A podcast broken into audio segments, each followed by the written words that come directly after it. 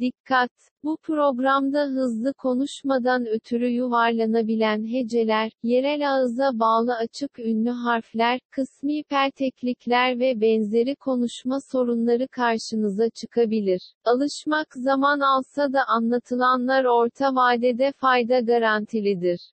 Arka arkaya uzun süreler aynı kişiyi dinlemek yorgunluk verebilir. Allah bir yerden verirken bir yerden alıyor işte.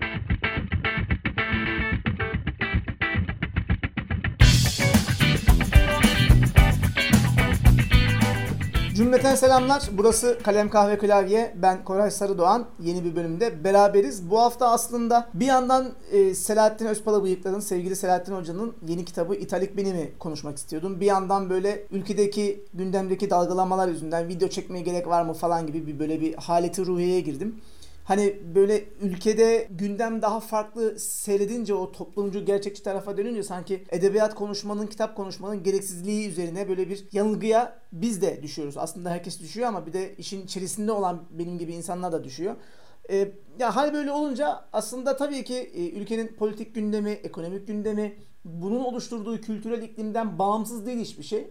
Yani e, bizde böyle işte çok katı gerçeklikle e, kültür sanat meseleleri birbirinden böyle çok ayrı. Biri sanki daha böyle ciddiyetsiz meselelermiş gibi algılandığı için ikisi bir arada konuşulmaz. Konuşulduğu zaman da ya gündemin bu mu şimdi? E, derdine ne oldu falan derler. Halbuki ikisi birbirinden farksız ve uzak değildir. Bu yüzden de ben geçtiğimiz hafta Türkiye Yayıncılar Birliği bir bildiri tadında bir duyuru yayınladı. Yayıncılık sektörünü ve paydaşlarını zorlu günler bekliyor başlıklı.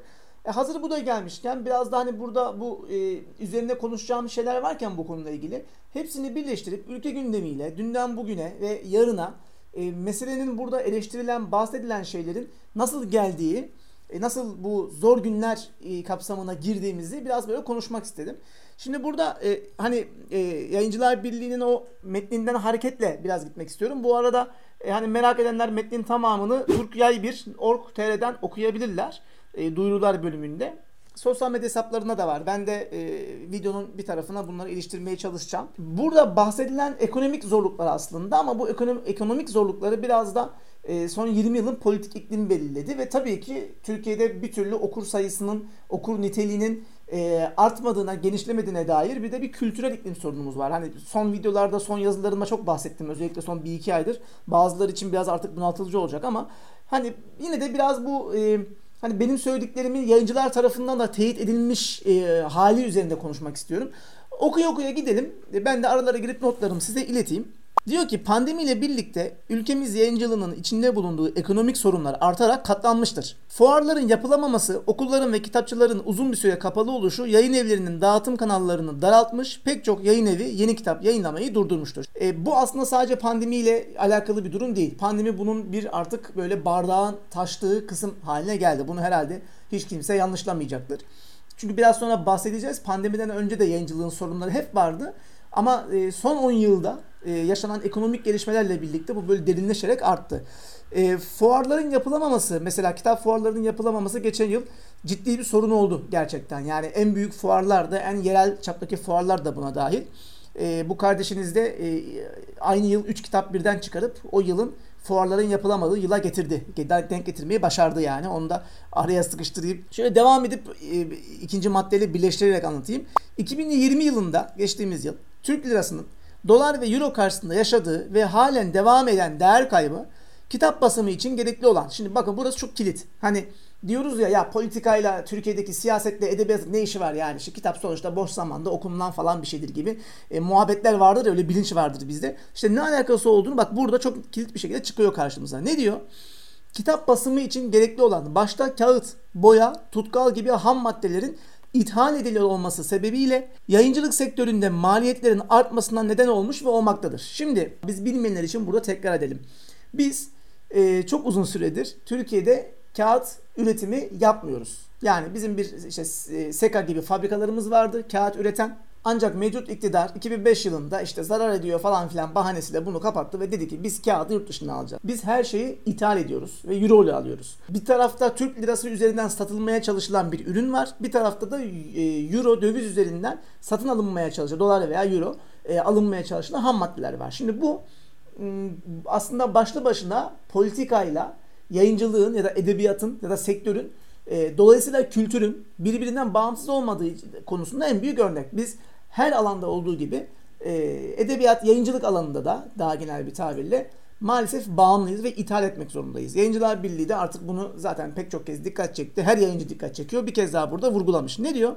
Bunun yanı sıra global olarak kağıt fiyatlarının ve tedarik maliyetlerinin artması ülkemizde yaşanan döviz artışına da paralel olarak basılı kitap üretim maliyetlerinin olumsuz yönde etkileneceğini göstermektedir. Döviz bazında kitap kapak kağıdında %100'e, kapaklarda kullanılanlar iki katı. Çocuk ve sanat kitaplarında kullanılan kuşa kağıtlarda %40'a, birinci hamur kağıtta %35 ila %40'a, kitap kağıdında işte Enzo dediğimiz o e, kitaplarda okuduğunuz biraz daha böyle yani en kalitelinin bir de altı olan ama iş gören kağıttan bahsedelim, bahsediyor. Şimdilik %20'ye varan fiyat artışlarını karşılamada yayıncılığımızın büyük sıkıntılar çekeceğini söylemek için kahin olmaya da gerek yoktur.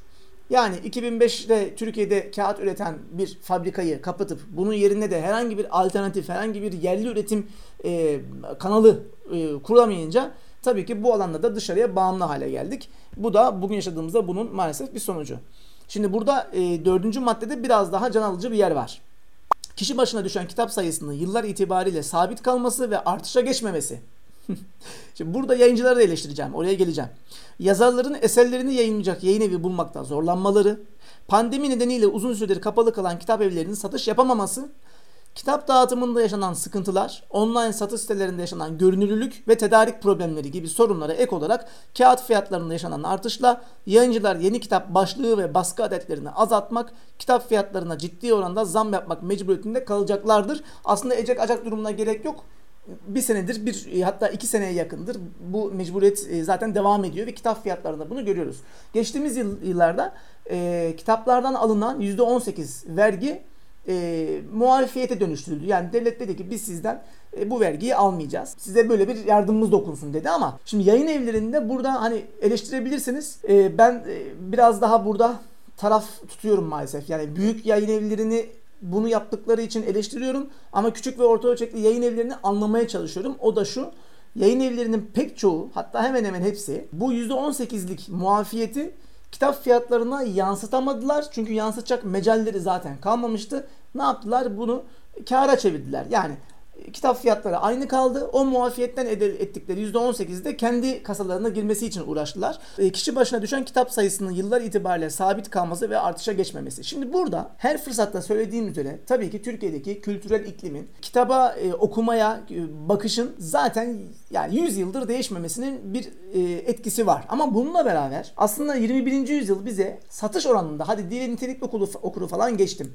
Kitapların satış oranında da bir şey getirmedi. Yeni bir şey getirmedi. İşte internetten reklam yapabilmek, farklı kanallardan okura ulaşmak, e, sosyal medyada şey vardır ya konuşan hesap. Bir e, markanın hangi alanda olursa olsun e, müşterileriyle kitlesiyle konuşarak iletişim kurabileceği bir politika. Türkiye'deki yayın evleri bu açıdan da sınıfta kaldı. Yani geçtiğimiz yıl pandemi e, söz konusu olduğunda hani şey muhabbeti oldu ya işte evlere kapandık. Acayip kitap satışları patladı falan. Evet bir süre patladı da ama o dönemde e, bu patlamadan karlı çıkan yayın evleri tabii ki kuşku götürmeyecek şekilde sosyal sosyal medyaya ve dijital medyaya, dijital dünyaya çoktan entegrasyonuna başlamış olan yayın evleri oldu.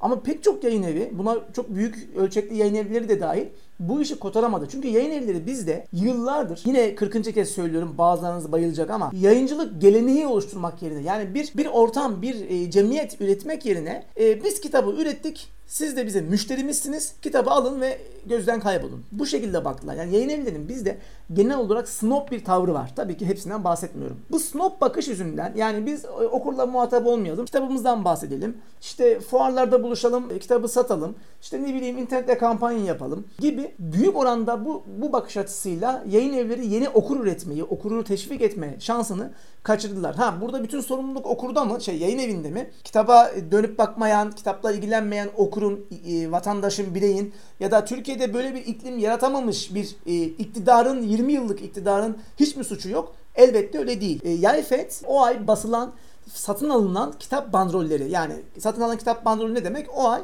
piyasaya sürülecek olan kitapların adeti demek. Kaç tane e, adet basıldığını, hangi kategoride ne kadar basıldığını orada görürsünüz. Orada çok ciddi rakamlar vardır ama pastaya baktığınız zaman bunun büyük kısmını ya akademik kitaplar ya da e, eğitim kitapları yani işte KPSS'ye yönelik, ALES'e yönelik, üniversite sınavına yönelik e, kitaplar kaplar. Hani bazıları böyle işte şu kadar kitap basıldı, çok iyi gidiyoruz falan diyor ama o basılan kitapların da kategorik olarak ayrımına bakmak lazım. E, orada Türkiye'de eğitimin gerçekten nitelikli eğitimden alınıp ne kadar sektörleştiği, ne kadar sınav odaklı ve kariyer odaklı olduğu ve orada e, aileleri ve çocukları bu sektörün içerisinde birer para basma kaynağı olarak nasıl dahil edildiğini görebilirsiniz. Çünkü orada e, bir ülkenin bütün basılan kitapları içerisinde her seviyeden sınav kitapları bu kadar çok yer kaplıyorsa orada ciddi bir agresyon, ticari bir agresyon vardır ve bunun aslında kültürel hayatında hiç bilgisi yoktur. Tam tersine bu kültür hayatına zarar veren bir şeydir. Herkesin sınav odaklı, kariyer odaklı e, mücadele etmek zorunda bırakıldığı ve o kitaplar dışındaki kitapların çok da talep görmediği göremeyeceği anlamına gelir. Kitap evlerinin kapalı kalması. Şimdi bazılarınız şunu diyecek. E, abi işte AVM'ler açıktı. Yani işte orada da kitapçılar vardı falan diyeceksiniz. İşte bu e, bizdeki okur bakışının ne kadar aslında maalesef sakat ve sığ olduğunu gösteriyor. Hani öyle gönderiler görüyorum bazen. Ya işte yine duramadım kendimi DNR'a attım. İşte gidince kitap almadan duramıyorum falan gibi böyle bir işte DNR ve zincir mağaza romantizmi yaratılıyor. Aslında oradaki hem ekonomik hem kültürel olarak manzara o kadar romantik değil. Burada kapalı kaldığı söylenen kitap evleri aslında o kitap evlerinden ziyade Onların da mutlaka kayıpları vardır ayrı konu ama arkalarında holding olduğu için bunları herhalde acıyacak veya üzülecek değiliz. Tabii ki işin emekçi kısmını, çalışan kısmını yaşadığı sorunları göz ardı etmeden bunu söylüyorum. Ama öbür tarafta da dükkanını açamayan sahaflar, e, bağımsız kitapçılar, yerel kitap mağazalarını da e, herhalde göz ardı etmeyeceğiz. İnternetten satış yapmaya çalışıyorlar ama internette de bir hegemonya var. Yani bir de şimdi öyle bir e, şey gelişti. Böyle çok e, cin fikirli arkadaşlar bu tür konularda hemen şeyi söylüyorlar yani evlerine. Ya işte e-kitaba niye geçmiyorsunuz? Bütün dünya dijitale geçti falan filan. Öyle bir şey değil. Yani e-kitaba geçmenin de bir ciddi maliyeti var. Korsanın önüne geçebilmek için. Bir kitabı alan birisinin e, bin kişiyle açık kaynakta açık kaynak olarak paylaşmaması için de bir sürü e, şey var. E, orada da bir hegemonya var. Yani belli başlı e, mecraların onların koordinesi altında olan bir dünya var. Yani yayın evi ben kendi e-kitabımı bastım. Benim mağazamdan aldım. Ben de kar edeyim. Kağıt da basmayayım falan gibi bir şey giremez. Çünkü onun da yani bugün çok büyük e, televizyon firmalarının, yayın firmalarının dizileri bile yayınlandığı gün kırılıp internete düşüyorsa herhalde küçük orta ölçekli garibim yayın evlerinin kitaplarının e-kitap olarak basılıp da korsana dönüşmeyeceğinin garantisini kimse veremez. Kaldı ki orada da çok büyük bir sorun var. Belki ilerleyen e, programlardan birinde o telif haklarını ve korsan konusunda e, 2021 versiyonu itibariyle konuşuruz. Yayın evleri kendi sitelerinden kitaplarını satıyorlar. Evet. E, ama bir yandan da yine o işte DNR gibi, Idefix gibi aklınıza gelebilecek o büyük e, mecralarında orada da bir hegemonyası var. Çünkü görünürlülük sorunu dediği var ya işte bu bildiride. O görünürlük sorunu o aslında. İnternetten kitap almaya çalıştığınız zaman karşınıza çıkan belli adresler vardır. Bunlardaki fiyat indirimleri gerçekten öldürücü indirimlerdir ki okur bağımsız kitapçıya gitmez, mahallesindeki, semtindeki kitapçıya gitmez. Buradan almak zorunda kalır. Daha karlı olacaktır. Onların bu kadar indirim yapabilmesinin en büyük sebebi sürümden kazanıyor olmalarıdır. Aynı zamanda da dağıtımcı kanal olmalarıdır. Dolayısıyla aslında orada da yine orta ölçekli yayın evlerine, e, yayıncılara, bağımsız kitapçılara zarar veren bir durum var. Bu aslında bütün bu dağınık dağınık anlattığım şeyi tek bir başlık altında toparlayabiliriz. O da tekelcilik. Aslında burada da yine bir politik iklimle alakalı bir durum var. Ee, unutulmasın ki hani o işte romantizmini yaptığınız büyük mağazalar 90'ların sonundan itibaren tekelleşmeye başlayan. Nedir bu tekelleşme? Geçtiğimiz haftalarda Edebiyat Lobisi yazısında bahsetmiştim. Çok ince kısa bahsedeyim. Doğan Medya Grubu aynı zamanda DNR gibi mağazası olan, aynı zamanda kendi dergileri olan, aynı zamanda Doğan Kitap markasına ve onun yan markalarına sahip olan bir holding doğru mu? Şimdi düşünün siz bağımsız bir yayın evisiniz ve kitabınızı DNR'lara sokmak istiyorsunuz dağıtımcılara. Ben kendi kitaplarımı da dağıtacağım. Sen de bana işte bir yayın evi olarak, bir dergi olarak gerekli koşulları sağlarsan, gerekli ödemeleri yaparsan seninkini de dağıtacağım diyor. Ama düşünün yani kitabın basımından itibaren satış rafına, dağıtım ağına çıkana kadar ki bütün aşamalar size ait. Hiçbir e, zarar etmeden, hiç başka birine para vermeden sadece işte e, lojistik masraflarla bu süreci götürüyorsun. Öbür taraftaki yayıncı da size havadan para vermek zorunda kalıyor. Burada notlarımı çıkardım. 2018'de en son bir dergi planım vardı benim. Başka edebiyat dergisi değil başka bir e, formatta. Şimdi aslında bunun güncel fiyatlarını da alırdım ama zaman harcamak istemedim eşimden dostumdan. Doğan Muan değil yani çok büyük dağıtım firmalarından birisi. Bunu dergi için almışım. Siz bunu kitap kitap vesaire gibi düşünebilirsiniz. 2500 adetten daha az bastıysanız yani daha büyük basarsanız masraf artacak. Sadece 4700 lira o zaman dağıtım bedeli veriyormuşum. Bunun artı %18 KDV'si var. Her sayı için geçerli. Yani ben her ay eğer aylık çıkarıyorsam ya da iki aylık çıkarıyorsam her sayıda bu parayı açıktan vereceğim. Bu kadar mı değil. Bunun yanında bu bu o dağıtım ağının kendi e, bayilerine falan girmesi için. Bir de bunun dışında özel bayilik kanalı denen bir kanal var. Bu hemen hemen bütün dağıtım şirketlerinde aynıdır. 3 aşağı 5 yukarı. Fikir verir yani. Hani yok ya öbür falan daha iyi şey yapıyormuş. Daha daha uygun fiyatlı dağıtım şirketleri de var ama genel olarak şey bu, politika bu. Zamanında dergi e, editörlüğü yaptığım başka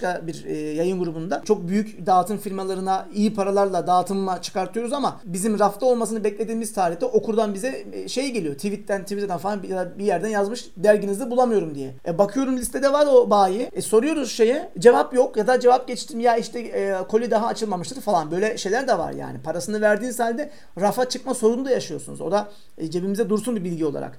Özel bayilik kanalları şunlar. İşte Migros, Carrefour, Kipa, Diyanar, Remzi. Şimdi buralara girmek için bir defaya mahsus bir katılım ücreti. Yani nedir bu katılım ücreti? Esnaf ağzındaki karşılığı şu. E, hava parası. Başka bir şey değil. Yani bir dükkan falan kiralayacağınız zaman böyle iyi bir yerde hava parası verirsiniz ya. Şeydir ya aslında haraçtır bu aslında yani. Aylık süreli yayınlarda yani bir aylık yapıyorsanız eğer her ayda her ay yayınlıyorsanız e, o dönem 2018'de Migros ve Kipa'ya girebilmem için açıktan 1620 euro istemişler. Carrefour gruba girmem için 1320 euro istemişler. Sadece Diyanar'a hani diyelim ki en güçlü şey orası ben oraya gideyim gerisine karışmayayım diyorsanız sadece Diyanar'a girmek için o dönem 360 euro vermeniz gerekiyormuş. Bu arada tabi haftalık yaparsanız her hafta girecekseniz mesela bu 2200 eurolara falan çıkıyor. Ee, Migros ve Kipa ağında falan. Bölgeler arasında yani bu arada belli bölgelere gidebiliyorsunuz. Mesela ben Marmara'ya gideceğim ya beni ilgilendirmiyor geri kalan diye diyorsanız tabi bunun bir de kültürel karşılığı var. Yani düşünün kültür yayıncılığı yapıyorsunuz. E, paranız sadece Marmara'ya yetiyor ya da Marmara'da daha farklı daha çünkü kitap satışlarının büyük bir kısmı İstanbul'da, Ankara'da, İzmir'de gelişiyor. Ben İstanbul'da kalayım, Marmara'da kalayım dediğiniz zaman düşünün siz o kültürü Anadolu'ya taşıyamıyorsunuz. Yani buradaki o kültürel çıkarımı varın siz yapın. Orada da bir sakatlık var. Bölgeler arası yap, bir dağıtım yapacaksanız ayrı bir ücret ödemeniz gerekiyor. Bu arada diyelim 2000 taneyi dağıttınız. İade gelecek. Bu iade için de adet başına para veriyorsunuz. Kaçtı? 40 kuruş muydu? O zaman 40 kuruştu bu. Şimdi düşünün yani. Siz Türk lirasıyla satmaya çalışıyorsunuz derginizi, kitabınızı. Sizin basın maliyetiniz, matbaa maliyetiniz, dağıtım maliyetiniz euro üzerinden yapılıyor. Durum böyleyken bazı arkadaşlar şuna kızıyor. Yani kızmakta haklılar bu arada. Ya işte yayın evine dosyamı gönderdim cevap vermiyorlar. Yeni dosya işte bizim benim yıllardır eleştirdiğim şey. Yeni yazarlara yatırım yapmıyorlar. En büyük sebebi budur işte. Bu arada kitabı basmak, dağıtmak değil sadece. Bir de içeride elemanım var. Yani grafikerim var, editörüm var. Editöre niye birden fazla iş yükleniyor? Şimdi gelecek haftalarda konuşacağız. Selahattin Hoca'nın kitabı kitabından hareketle editörün ne iş yaptığı ama yapması gerektiği ve Türkiye'de ne yaptığını.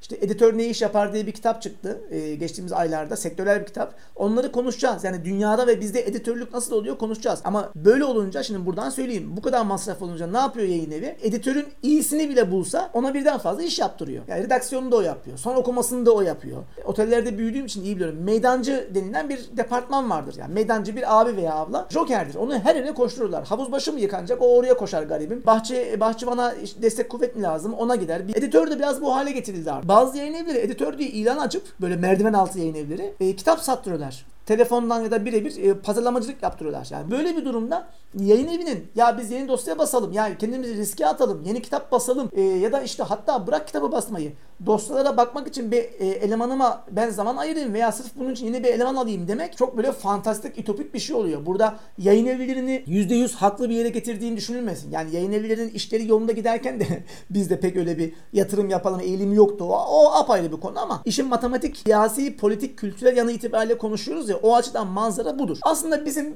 benim bizim yıllardır söylediğimiz şeyi Yayıncılar Birliği de söylemiş. Ne diyor? Yayıncılık bir kalkınma meselesi olarak görülmeli. Bu çok önemli bir şey. Kültür yaşamının zenginleştirilmesi amacıyla desteklenmelidir. Bunun yanı sıra diyor bildiridi yazarlar ve çevirmenlerden kesilen %17 gelir vergisi ve %18 KDV kaldırılmalı. Şimdi bu e, satıştaki KDV muafiyeti falan geldi, düşürüldü vesaire ama ee, bir de işin bu tarafı var. Telif mesela ben kitap kitaplarım yayınlandığı zaman telif alacağım zaman vergi benim telifimden düşürülüyor çoğu zaman. Böyle bir taraf var. Ben gerçi kendi şahıs firmam olduğu için fatura kesiyorum ama o zaman da ne oluyor? O zaman da bana bu verginin yanında bir de stopaj yansıyor. E, bu meslek gruplarının finansal kaygıları olmadan üretim yapmalarının önü açılmalı. Kültür ve Turizm Bakanlığı, Milli Eğitim Bakanlığı, yerel yönetimler, üniversitelerin kitap alım bütçeleri artırılmalı. Bir de bu taraf var tabii. Yayın evlerinin ciddi para kazandığı kaynaklardan birisi de toplu yaptıkları kitap satışları. Yani bakanlıklara kitap satmak, bakanlıklara bağlı kurumlara, okullara, kütüphanelere oralarda da bir sorun var. Oralarda da aslında kitap satılıyor ama bir kayırma e, olduğu da bilinir. Yani bunu da hani uzun uzun anlatmayayım burada ama şu şekilde bitiyor e, bildiri. Çok doğru bir ifade. Kitap okumak bir lüks değildir. Temel bir ihtiyaçtır. İşte bu bilincin oturması gerekiyor. Bu bilincin oturması için de deminden beri bahsettiğim o tekelin kaldırılması gerekiyor. Az evvel yarım kaldı. Doğan Medya Grubu zamanında böyleydi. Ne oldu? Politik konjonktür değişti. İşte bugün aslında sonuçlarını farklı videolarda, farklı ifadelerde gördüğümüz krizin yaşadığımız durumların bir benzeri oldu. Ne oldu? Doğan Medya Grubu'nun büyük bir kısmı Doğan Kitap hariç Demirören'e geçti. İdefix'in mesela Turkuaz grubunda olması. Şimdi orada büyük bir holding e, durumu var. Şimdi ne oluyor mesela? Daha dün İdefix'in sosyal medya hesabında e, yine artık sene 2021 lanet gelsin gelsin bitmedi. İşte Tomris Uyar'ın hala ikinci yeninin herkesin aşık olduğu bir kadın olarak ele alındığı bir tweet atıldı. Idefix gibi bir değil mi yani büyük bir firma falan diye bakıyoruz ya. Böyle bir markanın bu tweet atmasının arkasındaki mekanizma ne? Bir bilinçsizlik. Yani orada bilinçsiz bir sosyal medya editörü oturuyor. Neden orada? Neden bu tweetin önüne geçilemiyor? Neden böyle bir hata hala yapılıyor? Çünkü arkasında e, bugünkü işte iktidarında, kültürel ikliminde başat oyuncularına olan turkuaz medya var. Şimdi diyebilir misiniz politik gündem edebiyattan bağımsızdır? Edebiyat ya bırakalım abi şimdi gerçekleri konuşuyoruz. Edebiyat gerçektir. Hepsi bunların birbirini etkiliyor. Yani bütün bunlar kültür, kültürsüzlüğün olduğu yerde veya cehaletin olduğu yerde bütün bu bahsettiğimiz sorunlar ortaya çıkıyor işte. Kitap gibi çok kolay basılıp dağıtılabilecek, çok kolay malzemesi üretilebilecek bir şeyde biz bu sorunları yaşıyorsak ve bu sorunlar bize bir kültür, bir eğitim sorunu olarak geri dönüyorsa kimse siyasetle edebiyatın, yayıncılığın birbirinden bağımsız olduğunu anlatamaz. Anlatanlara inanmayın ve lütfen siz de bu şekilde bakın meseleye. Sadece parasını verip ya işte Diyanar'a gittim kendimi şey yapamadım işte aman işte yeni kitap e, ben İdefix'ten başka yerden kitap alamıyorum ya falan gibi romantizmlere girmeyin arkadaşlar. Bağımsız kitapçıları destekleyin. İndirimli almak istiyorsanız yayın evlerinin kendi mağazalarını tercih edin. İlla internette alacaksam, indirimli alacaksam diyorsanız ki ben de onlardan biriyim. Ben de indirim neredeyse oraya giderim ama işte DNR gibi, Idefix gibi yerlerden almayı kestim. Mesela son aylarda, son yıllarda kitap yurdundan da kestim. Oradaki satış politikalarının kurbanı olan yayın evlerini gördüm. E, pek çok yayın evi artık orada bir stok açmıyor. Mesela oradan da kestim. E, bu şekilde bakın. Gerçekten o nitelikli okur dediğimiz şey sadece okuduğunu anlayan değil. Aynı zamanda bu ekonomik döngü içerisinde de bir yeri olan bir okur rolüdür. Onu da e, son kez söyleyeyim. Umarım bu video size faydalı olmuştur. E, aklınıza soru işaretleri varsa sormaktan çekinmeyin. Abone olmayı, bildirimleri açmayı, videoyu beğendiyseniz beğenmeyi ve eşinizle dostunuzla paylaşmayı unutmayın. E, gelecek videolarda görüşmek üzere. Kendinize iyi bakın. Hoşçakalın.